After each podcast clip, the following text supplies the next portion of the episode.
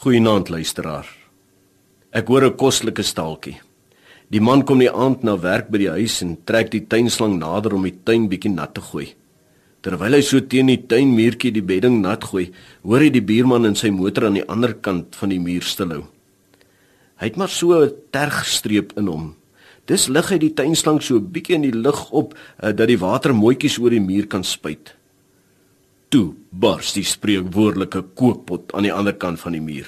Die man kom om die muur gestorm by 'n hekkie in met 'n rooi gesig en bulderende stem en met heerlik gekruide taal sê skreeu hy: "Kyk hoe kwaad maak jy my nou."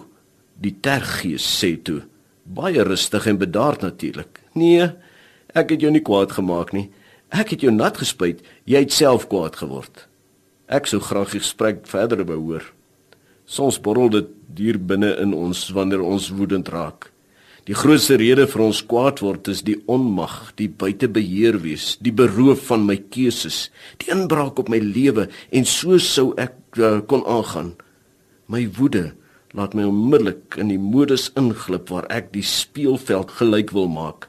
Ek wil vergeld en hier waar ek nou vernederd sit, wil ek met so 'n bietjie woede opstaan en wys wie ek is vir die volk van God wat in hulle eie mag wou begin optree, skryf Jesaja in Jesaja 30 vers 12 tot 15 die volgende: So sê die heilige van Israel: Julle het my waarskuwing verwerp. Julle het julle vertroue gestel in geweld en bedrog en daarop gesteun. Daarom word hierdie sonde vir julle 'n hoë stylmuur wat oorhang en dreig om te val en dan skielik onverwags in mekaar stort en in stukke spat soos 'n groot kleipot wat mee doondoos fyn geslaan word sodat daar onder al sy skerwe nie een oor is om mee kole uit 'n vuurmaakplek te krap of water uit 'n opgaarput te skep nie. So het die Here ons God die heilige van Israel gesê as julle julle bekeer en tot rus kom sal julle gered word. Julle krag lê in stil wees en vertroue hê Julle krag lê in stil wees en vertroue hê. Ons hoef nie alles met ons kwaad reg te maak nie.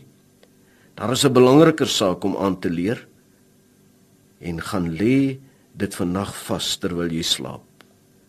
Jou krag lê in stil wees en vertroue hê. Jy hoef nie alles uit te sorteer nie. Laat dit aan God oor. Onthou en oefen dit in. Jou krag lê in stil wees en vertroue hê. Vader, leer my vanaand om U te vertrou wanneer ek stil word en alles aan U oorgee. Amen.